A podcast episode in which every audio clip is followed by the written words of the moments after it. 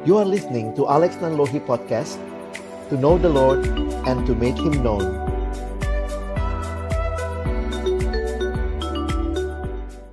Mari kita tunduk kepala kita berdoa Sebelum membaca merenungkan firman-Nya.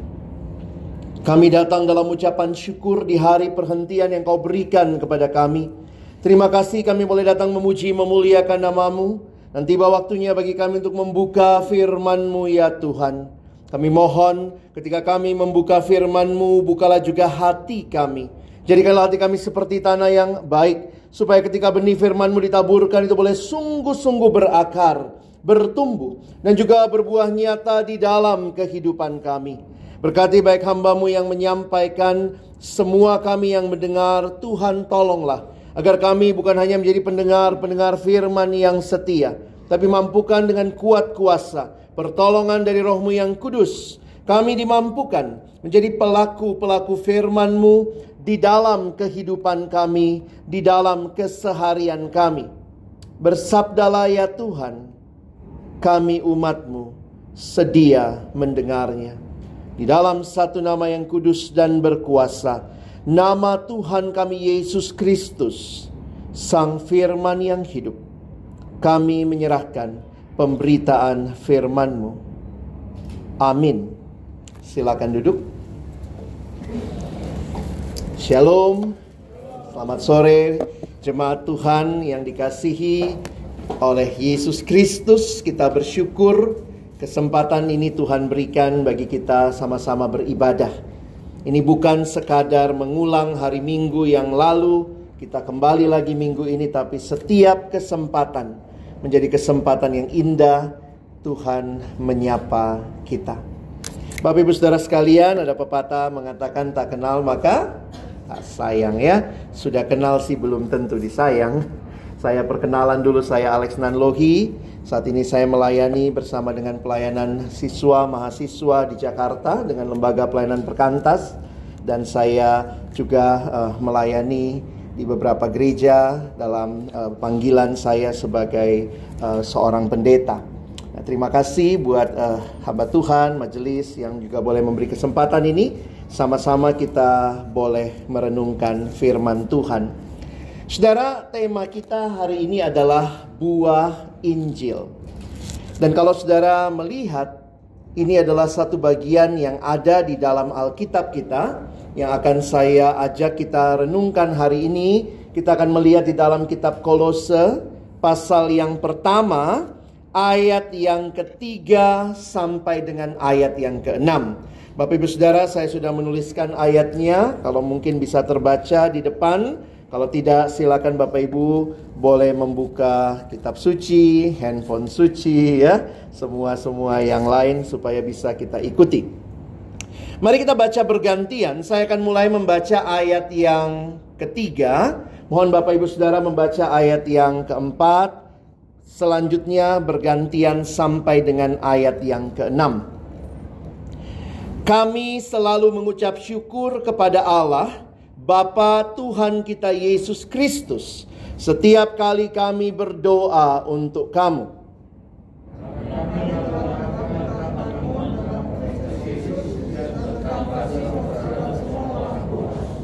Oleh karena pengharapan yang disediakan bagi kamu di sorga, tentang pengharapan itu, telah lebih dahulu kamu dengar dalam firman kebenaran, yaitu Injil sampai kepada kamu. Injil itu berbuah dan berkembang di seluruh dunia. Demikian juga di antara kamu, sejak waktu kamu mendengarnya dan kasih kami Sedemikian jauh pembacaan firman Tuhan Berbahagialah kita yang bukan hanya membacanya Tetapi merenungkannya Melakukannya dalam hidup kita Dan bahkan membagikannya Bapak ibu saudara yang dikasihi Tuhan kalau kita berbicara tentang kekristenan, tentang kehidupan Kristen, apa yang terpikirkan? Seringkali kehidupan Kristen hanya dikaitkan dengan simbol-simbol. Oh, Kristen tuh, lihat salibnya. Kadang ada yang pakai kalung salib. Oh, Kristen tuh, lihat Alkitabnya gede. Oh, Kristen tuh, lihat dia Desember pasang pohon Natal. Tetapi apakah sebenarnya kehidupan Kristen itu? Hari ini saya ingin mengajak saudara untuk melihat bersama-sama apa yang firman Tuhan sampaikan dalam konteks kita mengerti tentang apa artinya menjadi seorang Kristen di dalam kehidupan kita. Ada satu kutipan yang saya senang dalam bahasa Inggris mengatakan kalimat berikut ini. Christianity isn't just a religion. It is a relationship with God through Jesus Christ. Kekristenan bukan sekadar agama.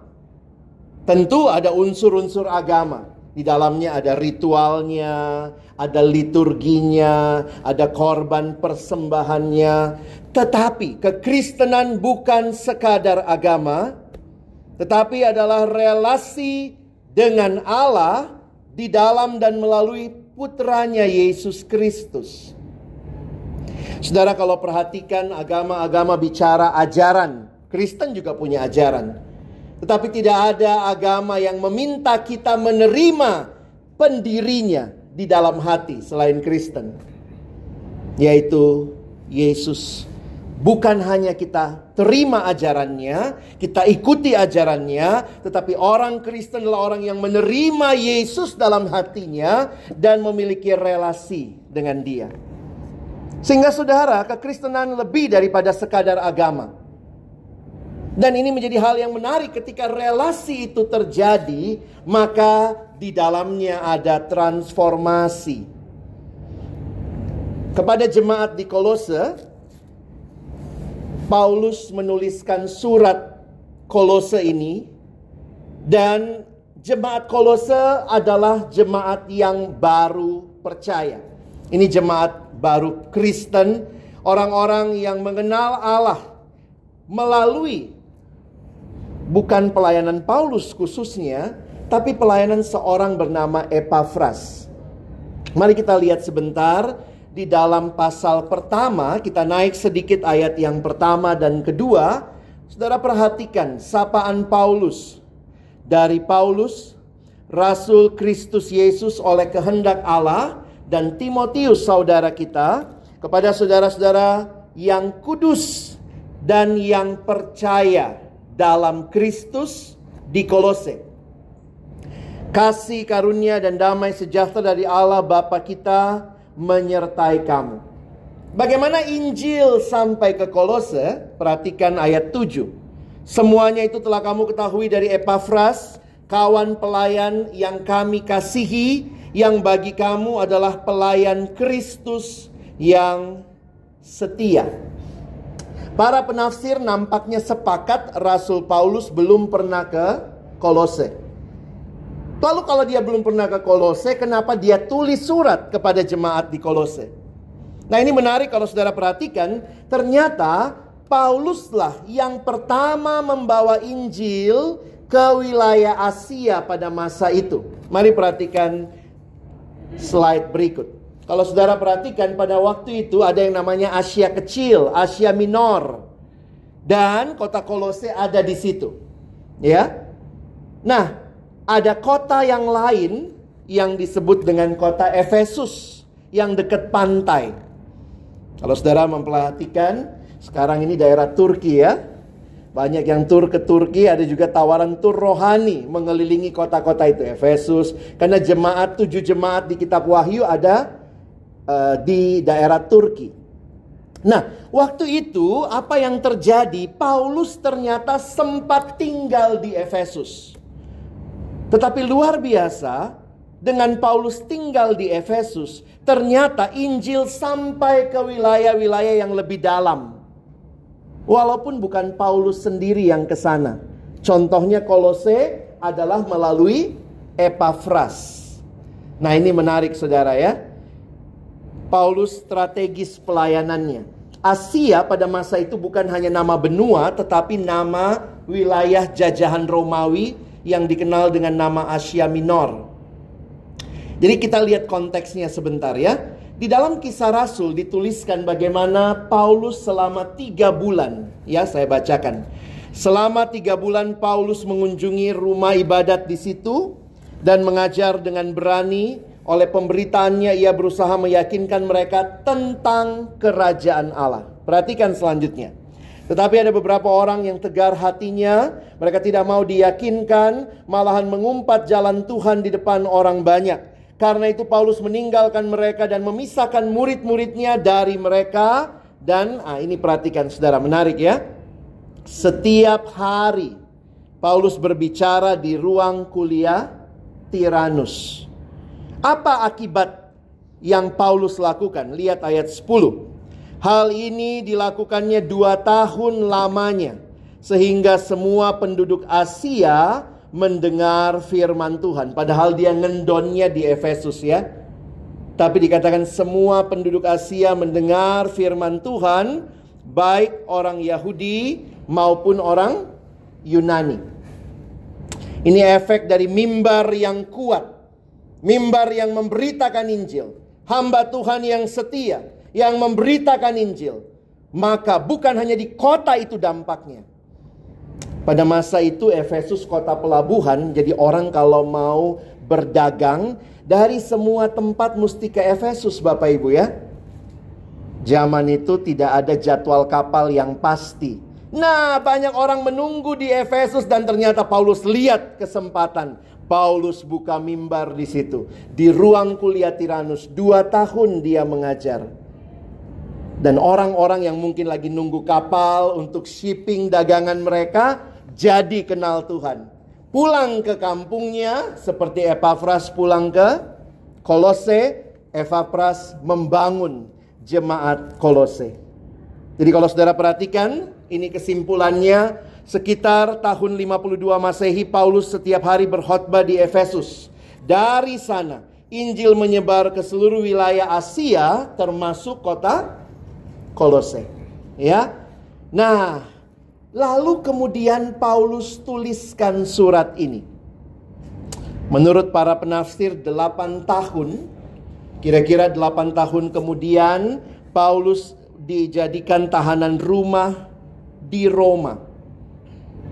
Nah, Epafras datang menjenguk Paulus dan membawa kabar mengenai jemaat di Kolose. Itu kira-kira latar belakang kenapa kita sekarang punya kitab Kolose. Kitab Kolose ini adalah Paulus menulis surat kepada mereka. Dia belum pernah mengunjungi mereka, tapi kelihatan sekali ada ikatan yang kuat di dalam Injil. Dan ini yang saya pikir luar biasa. Di awal ibadah tadi saudara lihat banyak proyek gereja pelayanan ada di Ngabang gitu ya. Ada saudara yang sudah ke sana? Ada, tapi ada yang belum ya. Tapi kok bisa ikut berasa ada ikatan begitu ya? Lihat tadi STT Makedonia karena berita Injil menyatukan orang dari berbagai latar belakang dengan satu tujuan, Injil diberitakan, Kristus ditinggikan. Jadi bukan masalah pernah ketemu saja, Tentu kalau sudah pernah ketemu jadi lebih akrab saudara ya. Tetapi tanpa bertemu pun disatukan oleh Injil Kristus. Ini menjadi hal yang menarik. Nah sekarang saya mau ajak saudara melihat apa yang Paulus syukuri tentang jemaat Kolose. Sebuah jemaat yang dia belum pernah ke sana, tetapi pasti ada dalam doanya, pasti ada dalam pikirannya, karena itu dia tulis surat, maka saudara perhatikan ucapan syukur yang kita baca tadi. Kami selalu mengucap syukur kepada Allah, Bapa Tuhan kita Yesus Kristus, setiap kali kami berdoa untuk kamu. Kira-kira apa yang disyukuri Paulus? Kalau saudara lihat jemaat gereja, kita mau mengucap syukur, biasanya kita mengucap syukur untuk apanya? Ya mungkin kita ucap syukur untuk jumlah jemaatnya yang bertambah. Ya puji Tuhan. Mungkin kita bersyukur untuk gedung yang tadinya sulit dicari sekarang sudah ada. Mungkin kita bersyukur untuk oh ada hamba Tuhan yang mendampingi. Tetapi ada hal yang menarik dari ucapan syukur Paulus yang kita bisa lihat di ayat 4 dan ayat yang kelima. Ada tiga hal yang Paulus syukuri. Dan ini yang dia kenal biasanya sebagai trilogi yang Paulus sampaikan. Ayat 4, karena kami mendengar tentang imanmu dalam Kristus Yesus dan tentang kasihmu terhadap semua orang kudus oleh karena pengharapan yang disediakan bagi kamu di sorga. Tentang pengharapan itu telah terlebih dahulu kamu dengar dalam firman kebenaran yaitu Injil. Waktu saya merenungkan hal ini, saya ditolong untuk melihat kalau mau melihat jemaat yang kita syukuri, biarlah kita tidak hanya mensyukuri hal-hal yang terlihat di luar. Bertumbuh, jemaatnya nambah, tetapi Paulus bersyukur untuk tiga hal penting: iman, kasih, dan pengharapan. Kenapa saudara? Karena bagi saya justru inilah apa yang dimaksudkan dengan gereja Tuhan. Gereja Tuhan bukan kumpulan orang dalam sebuah bangunan senang nyanyi. Kalau gitu karaoke aja saudara. Ya. Gereja Tuhan bukan kumpulan orang-orang yang saling memperhatikan. Kalau gitu arisan aja saudara. Tetapi ada hal lain yang sangat mendasar Paulus bersyukur kepada Allah karena firman kebenaran yang dia telah sampaikan dan sampai kepada jemaat membuahkan iman, kasih dan pengharapan dalam hidup orang Kristen di Kolose. Inilah buah Injil. Ketika Injil diberitakan, apa yang terjadi? Ada buah yang dihasilkan. Ayat 6 menyatakan Injil itu berbuah dan berkembang di seluruh dunia. Demikian juga di antara kamu sejak waktu kamu mendengarnya dan mengenal kasih karunia Allah dengan sebenarnya. Buah Injil bukan hanya terjadi di jemaat Kolose, saudara, tetapi bahkan berkembang di seluruh dunia. Jadi saya harap saudara bisa paham hal ini. Kalau ditanya buah Injil itu apa ya ini saudara ya. Buah Injil itu bicara yang pertama iman. Iman kepada Allah. Yang kedua kasih kepada sesama. Dan yang ketiga pengharapan akan janji-janji Allah. Jemaat yang dewasa ini ukurannya karena saya makin memperhatikan ini cara Paulus di dalam surat-suratnya mensyukuri apa yang jemaat alami. Paulus biasa memulai suratnya dengan ucapan syukur ya. Dan inilah yang dia syukuri. Iman mereka kepada Allah, kasih mereka kepada sesama, dan bahkan pengharapan akan janji-janji Allah. Apakah ini terlihat di dalam gereja kita juga? Gereja bukan hanya kumpulan orang-orang yang senang ngumpul. Gereja bukan klub sosial. Tetapi gereja adalah jemaat Allah yang semakin beriman, semakin mengasihi dan semakin berpengharapan. Saudara yang dikasihi Tuhan, kalau kita menilai apa yang Paulus bagikan di sini, maka saya ingin mengajak kita juga melihat sebenarnya ada dua karakteristik. Saya tuliskan dua karakteristik dari buah Injil ini.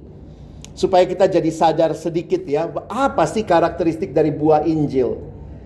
Sebelum seorang mengalami berita Injil, maka sebenarnya dia ada di dalam dosa.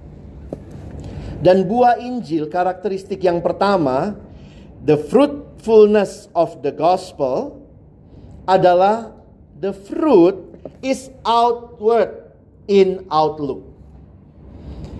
Yang namanya berita Injil yang dialami akan berbuah kita keluar bukan fokus pada diri.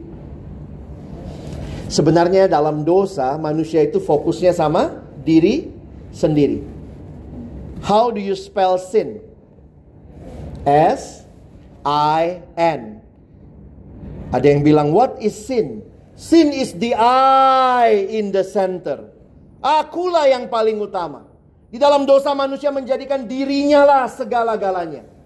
Boro-boro bukan Tuhan, bukan sesama, tapi aku. Tetapi ketika orang mengalami Injil, maka perhatikan ketika dosa orang itu hanya titiriri saudara ya. Dalam dosa itu kita titiriri. Mati-matian untuk diri sendiri. Tetapi Injil itu membawa kita punya outward looking. Faith, iman itu memandang kepada Allah, keluar. Love memandang kepada sesama, keluar dan pengharapan pun berharap kepada janji-janji Allah yang bahkan belum terjadi because we look to the future. Ini membedakan sekali. Kalau kita masih hidup di dalam dosa, it's all about me. Tetapi di dalam berita Injil yang dialami, didengar, dipercaya, mengubahkan, maka buahnya is not inward looking, but outward looking. Saudara kita makin seperti ini nggak ya? Atau jangan-jangan ke gerejanya iya, tapi titiririnya nggak nggak habis-habis juga gitu ya? Tetap aja hidup bagi diri sendiri. Saya pikir dengan demikian berarti belum terjadi. Kalau saudara mau agar hidupmu boleh mengalami berita Injil itu, maka ini buahnya. Outward looking. Yang kedua, kalau saudara perhatikan karakteristik dari buah Injil ini, ini bukan semata-mata pekerjaan kita. Betul? This fruit is supernatural in source. Sumbernya itu dari Allah, bukan dari diri kita. Jujur deh ya, mari kita coba apa? Jujurly speaking. Siapa di sini yang sudah sudah merasa wah saya sudah cukup beriman, saya sudah cukup mengasihi. Saya sudah cukup berpengharapan. Apalagi waktu kita masih di dalam dosa, saudara. It's all about me. Sehingga ini bukan hal natural dalam hidup kita. Dulu saya cinta diri. Sekarang saya cinta Tuhan. Jangan pikir itu karena usaha kita. Itu semata-mata karya Roh Kudus melalui berita Injil yang kita dengar mengubahkan kehidupan kita. Makanya kalimat ini, maaf masih dalam bahasa Inggris saya tuliskan. These virtues do not originate in fallen human nature. Buah Injil itu bukan berasal dari natur kita yang berdosa. No. Mereka atau buah Injil itu hanya datangnya dari Allah yang dinyatakan, diteguhkan dengan kuasa Roh Kudus.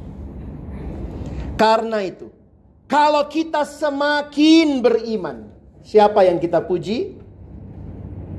The source, not ourselves. Itulah manusia ya. Kita kadang merasa kitalah sumbernya. Harusnya kita berkata, Tuhan engkaulah sumber segalanya. Kalau saya makin beriman, puji Tuhan. Haleluya. Eh begitu makin beriman, makin sombong. Puji diri. Haleluya. Makin mengasihi. Siapa yang harus dipuji? Puji Tuhan. Makin berpengharapan. Siapa yang dipuji? Harusnya Tuhan. Buah Injil ini bukanlah alat evaluasi yang membuat kita jadi sombong. Tetapi alat evaluasi yang bisa membawa kita menyadari it's only by his grace If it's only by His grace, then all the glory must be to God, bukan bagi kita. Nah, saudara, saya rindu coba kita pikirkan hal ini ya. Apakah di dalam hidup kita sebagai gereja Tuhan, ketika saudara sudah mendengar berita Injil, maka saudara pun akan makin melihat keluar. Dan apakah saudara makin rendah hati karena berkata, "Tuhan, ini semua karyamu." Apa hubungannya iman, kasih, dan pengharapan? Saya cukup lama juga mikir gitu ya sampai saya baca satu buku dan waktu lihat ayatnya wah ini jelas sekali justru di ayat yang kita baca tadi. Apa hubungannya iman, kasih, dan pengharapan? Mengapa jemaat Kolose hidup dengan penuh iman dan kasih? Jawabannya adalah karena pengharapan yang disediakan bagi mereka. Coba saudara lihat ayatnya ya. Saya harap kita jadi paham ayat-ayat firman Tuhan yang indah. Kami telah mendengar tentang imanmu dalam Kristus Yesus dan tentang kasihmu terhadap semua orang kudus oleh karena pengharapan yang disediakan bagi kamu di surga. Pengharapan itu menarik kita untuk terus beriman. Pengharapan itu menarik kita untuk terus mengasihi. Karena ada pengharapan di dalam Tuhan. Kita kenapa bisa berharap sama Tuhan? Karena dia Tuhan yang layak dipercaya. Kalau saudara, kalau yang janji saya, saya masih manusia yang mungkin bisa ingkar janji. Saya datang ke rumah Bapak Ibu. Begitu hujan, oh sorry, maaf, susah datang ke sana. Tetapi Christian hope is an assured expectation. Pengharapan Kristiani adalah sebuah pengharapan yang pasti yang didasarkan kepada pribadi Allah dan janji-janjinya. Pengharapan itu unik saudara ya. Katanya di dalam hidup itu yang paling sedih bukan orang yang gak punya duit saudara. Tapi orang yang gak punya pengharapan. Dalam hidup yang paling menyedihkan bukan penderitaan, tapi adalah ketidakpunyaan atau ketiadaan pengharapan. Karena orang yang punya pengharapan, menderita pun dia rela karena punya pengharapan.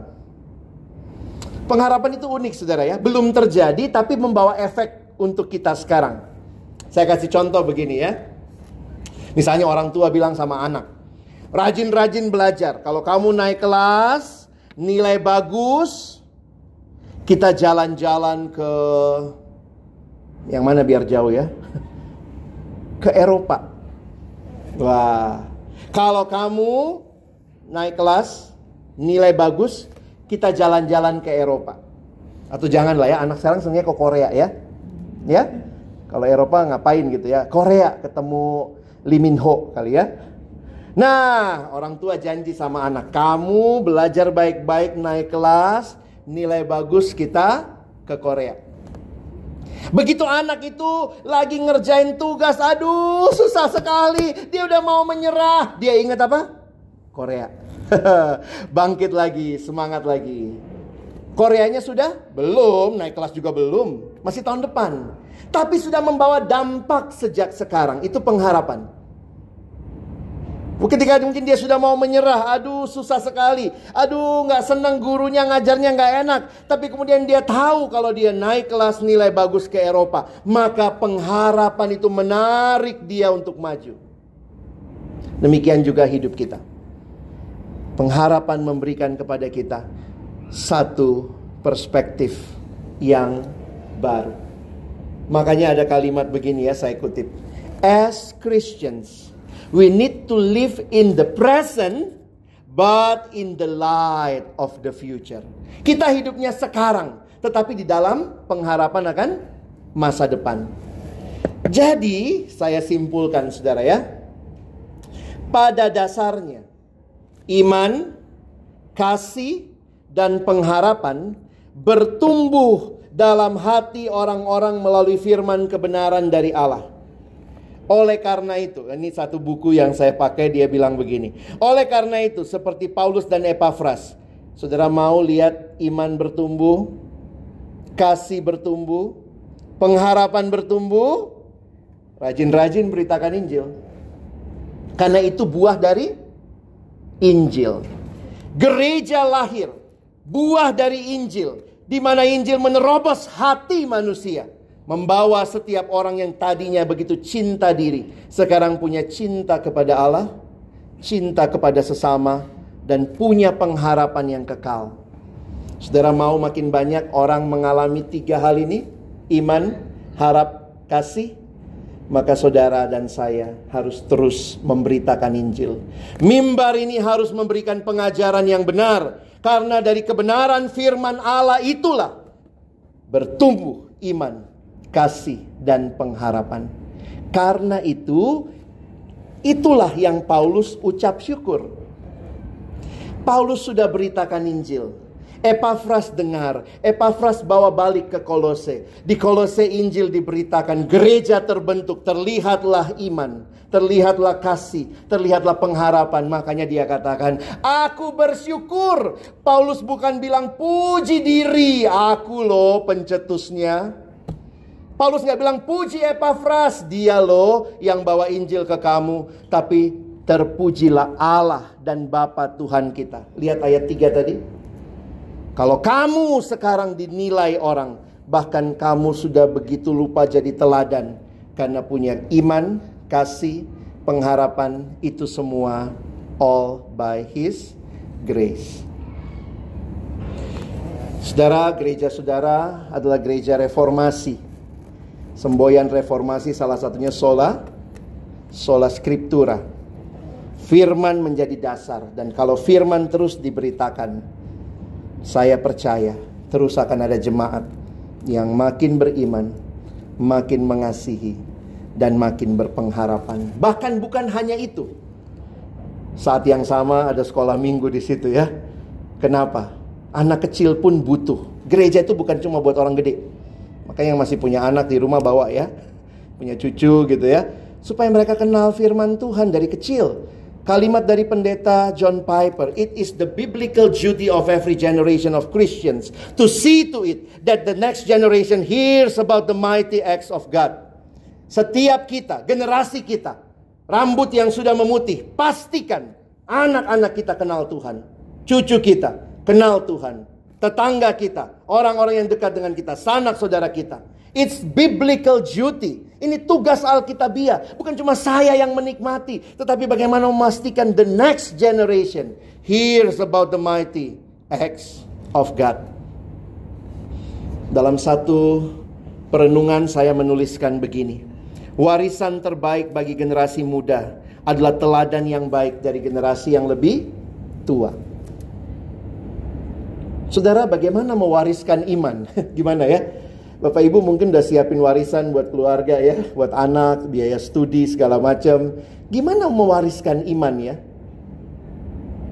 Sebuah kalimat mengatakan begini. Anda tidak dapat melihat iman, tetapi Anda dapat melihat jejak kaki orang-orang beriman. Karena itu kita harus meninggalkan jejak kaki orang beriman untuk diikuti orang lain. Pastikan Bapak Ibu, anak-anak kita, keluarga kita melihat kita yang mengaku beriman, setiap keputusan yang kita ambil, setiap perbuatan yang kita lakukan kiranya menjadi sebuah display. Ini loh hidup beriman. Kita nggak bisa wariskan iman kayak kita taruh di deposito nih ya iman ya. Tapi anak-anak akan melihat dari apa yang Bapak Ibu pikirkan, apa yang Bapak Ibu katakan, apa yang Bapak Ibu putuskan sebagai orang-orang yang sudah hidup di dalam Tuhan. Saudara, saya menutup dengan doa Paulus. Doanya biasanya ada bagian ucapan syukur, lalu ada bagian doa. Itu kebiasaan Paulus ya di awal-awal surat ada bagian ucapan syukur dan ada bagian doa. Kira-kira apa doanya?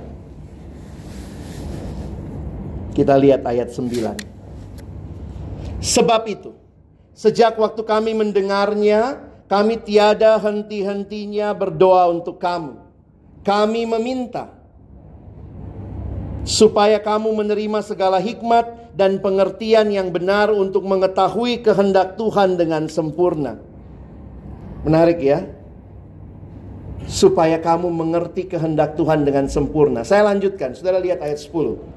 Sehingga hidupmu layak di hadapannya serta berkenan kepadanya dalam segala hal. Kamu memberi buah dalam segala pekerjaan yang baik dan bertumbuh dalam pengetahuan yang benar tentang Allah. Saudara perhatikan tujuan kita tahu kehendak Allah kalau lihat yang Paulus tulis supaya kita hidup layak di hadapan Tuhan supaya kamu makin beriman, ya supaya kamu bisa hidup layak di hadapan Tuhan. makin tahu apa yang Tuhan mau, makin hidup sesuai yang Tuhan mau, itulah hidup yang layak di hadapan Tuhan. Saudara saya mengutip ayat 10 ini, mari lihat sebentar sebuah terjemahan Alkitab bahasa sehari-hari namanya firman Allah yang hidup ya, ada satu versi itu. Dia menerjemahkan ayat 10 begini.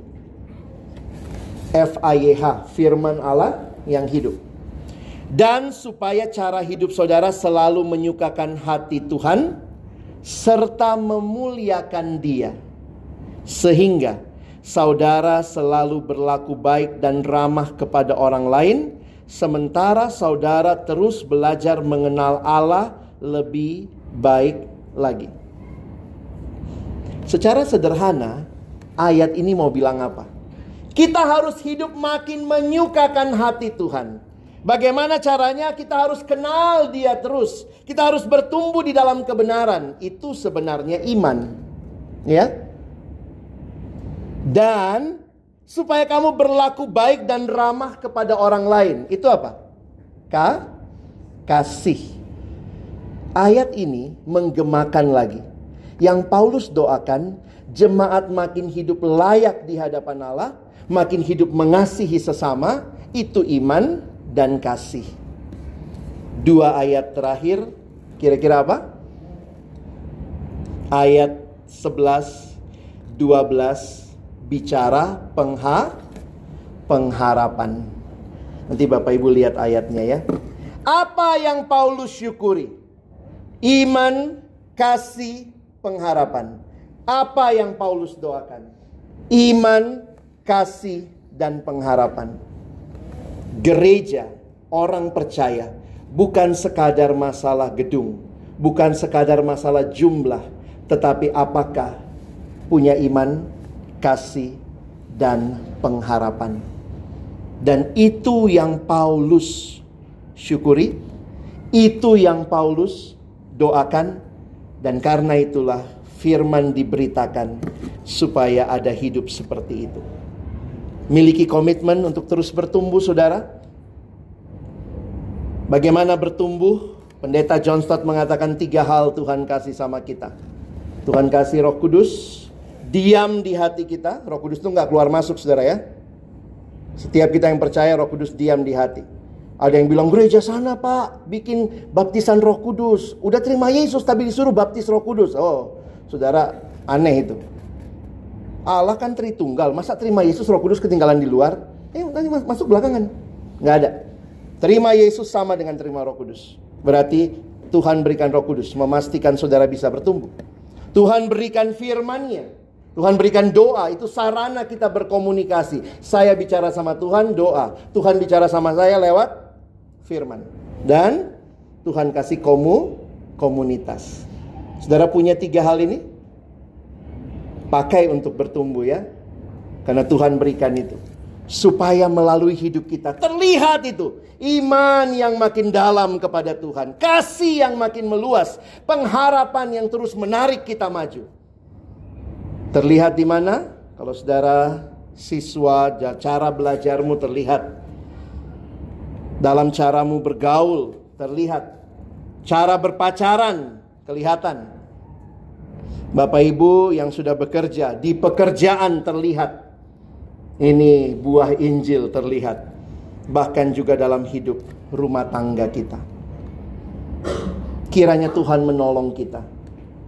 Bukan hanya mendengar banyak berita Injil, tapi biarlah benar-benar mengubahkan kita. Ini ucapan syukur kita, dan ini juga doa kita, supaya jemaat semakin mengalami berita Injil, kebenaran yang akan menumbuhkan kita, menghasilkan hidup yang makin beriman, makin mengasihi, dan makin berpengharapan. Amin. Apakah ada saudara yang mungkin ingin bertanya? Ada waktu di akhir sedikit untuk kita boleh tanya jawab.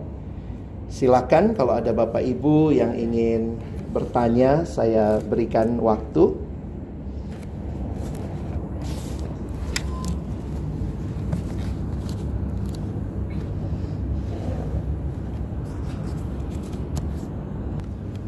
Kembali bersyukur ya Tuhan buat kesempatan ini.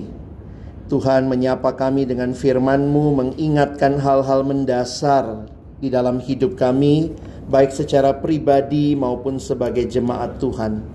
Kerinduan kami agar kiranya melalui hidup kami benar-benar nyata kuasa Injil yang telah mengubahkan itu.